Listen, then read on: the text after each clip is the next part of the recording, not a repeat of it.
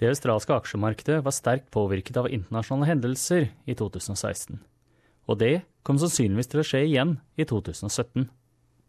Etter et turbulent første halvår av 2016 falt aksjene ved tidspunktet av brexit-avstemningen til under nivået ved starten av året, og falt deretter igjen umiddelbart etter Donald Trumps valgseier i USA. Men disse fallene var kortvarige. Når markedene fokuserte på Trumps økonomiske politikk, steg de australske aksjene om lag 9 siden det amerikanske valgresultatet ble klart. Politiske sjokk dominerte markedsbevegelsen i 2016.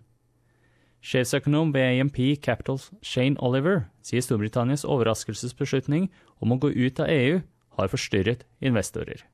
So I think the same will apply um, in the run up to elections in the Netherlands in March, the French election through April and May, and of course the German election later in the year. At the end of the day, though, I think centrist parties in Europe will remain in power. So I think this, this breakup, this Eurozone breakup risk, will remain a feature as we go through 2017. But at the end of the day, I think Europe will hold together.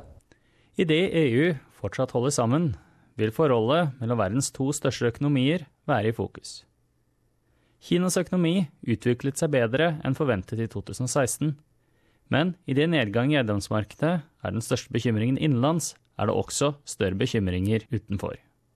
Sjeføkonom ved Australian Institute of Company Director, Stephen Walters, sier internasjonale spenninger kan komme i forgrunnen. There may be some issues around trade. Obviously, if the US does implement tariffs on their products imported into the US, then China may be forced to respond. I really hope that doesn't happen because that's a very negative outcome. But I think China will be a, an economic force next year, and I, I think it's probably on, on the positive side, particularly for Australia. Shane Oliver fra AMP Capital sier han forventer en form for amerikanske tiltak mot Kina. So I don't know that we'll have a full out trade war, but obviously Donald Trump was elected on a mandate to, uh, to bring back jobs to the US, to, to get a better deal for the US, if you call it that, on the trade front, in particular with China. And I think he's probably going to want to try and do something on that front. Stephen Walters sier at i sin valgkamp lovet Donald Trump også å forbedre USAs nasjonale posisjon. You've got a, a new big wave of, of infrastructure spending and other tax breaks and so on going into an economy that is already operating at, at its capacity. So uh, I think the, the clear implication is that you're going to get some inflation in that economy. Det betyr ytterligere amerikanske renteøkninger. I desember økte amerikanske Federal Reserve rentene for kun andre gang siden den globale finanskrisen.